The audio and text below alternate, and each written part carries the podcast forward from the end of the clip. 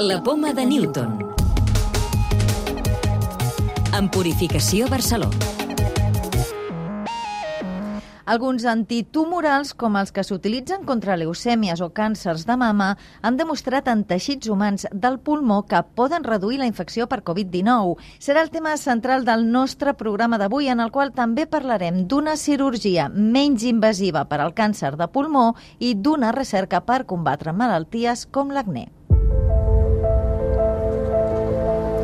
Investigadors del CSIC han descobert que alguns medicaments contra el càncer poden evitar que el SARS-CoV-2 es mogui dintre de la cèl·lula i això impedeix que la infecti. L'estratègia consisteix a atacar els vehicles que utilitzen tant els tumors com els virus per arribar fins al nucli de la cèl·lula. Ho ha explicat a la poma de Newton Fernando Díaz, responsable del projecte. Sí va entrar, pero no puede llegar al centro de mando. No puede infectarla. Ahora estamos viendo qué dosis son necesarias, cuál de todos los fármacos que están en uso es el más eficaz que parece que está resultando más prometedor es el que se utiliza en un cáncer de mama triple negativo, que se llama Taxol, y luego hay que dar todavía el siguiente paso. Se hace un ensayo de fase 2 y este proceso es mucho más rápido, estamos hablando de unos meses.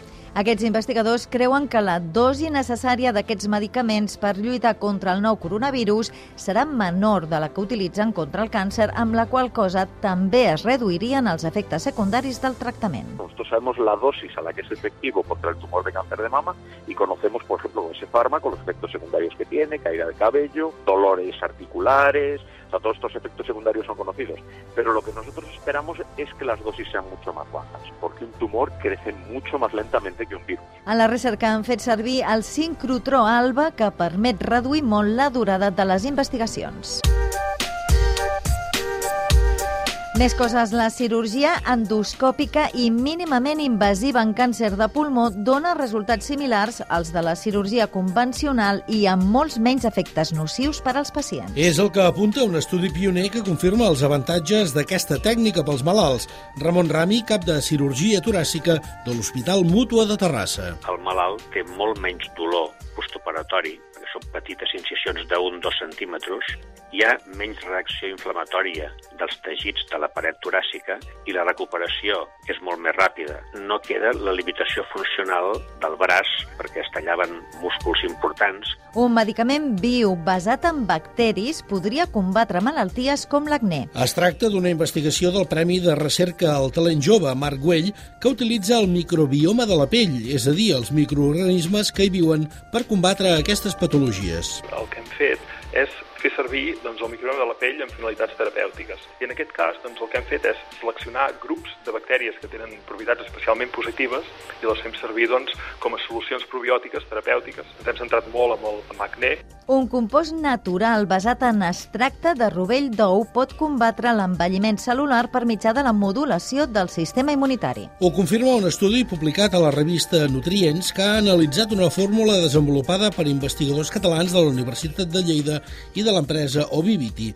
El compost redueix la inflamació i potencia el sistema immunitari, la qual cosa fa que també pugui ser útil per lluitar contra malalties víriques com la Covid-19. Llibres de ciència. Avui us proposem el llibre d'anàlisi El murciélago i el capital del pensador suec Andreas Malm. L'obra se centra en els orígens fins ara desconegut del SARS-CoV-2 per passar a una profunda reflexió sobre com l'activitat humana, la deforestació, el creixement de les mines a cel obert i el comerç il·legal d'animals han contribuït a l'actual crisi sanitària. La tesi de Malm conclou que la Covid-19 és molt més que una pandèmia i que és el resultat d'una gran crisi ecològica mundial. I també fa una proposta revolucionària per implementar polítiques ecològiques a gran escala que puguin frenar no només l'avenç de la malaltia, sinó també el deteriorament mediambiental del planeta. La clau de volta. Quina és la diferència entre els testos d'antígens i els d'anticossos? Roger Paredes, investigador de Can Ruti i d'Irsi Caixa. L'antigen el que fa és detectar trossets del virus. Un antigen seria un trosset del virus, una proteïna del virus, mentre que els anticossos el que detecten és la resposta immunitària que el teu organisme genera contra aquest virus. Si nosaltres som capaços de detectar trossets del virus, sabem que aquest virus estan allà. I si estan allà, és potencialment transmissible. Mentre que si detectem la resposta, la resposta pot haver-se produït avui o pot haver-se produït fa un mes. El que no sabem és en quin moment aquesta resposta s'ha produït i quines són les implicacions de cara a la protecció. Recordeu que podeu descarregar-vos el podcast de la Poma de Newton o subscriure-us al programa per rebre'l directament als vostres dispositius.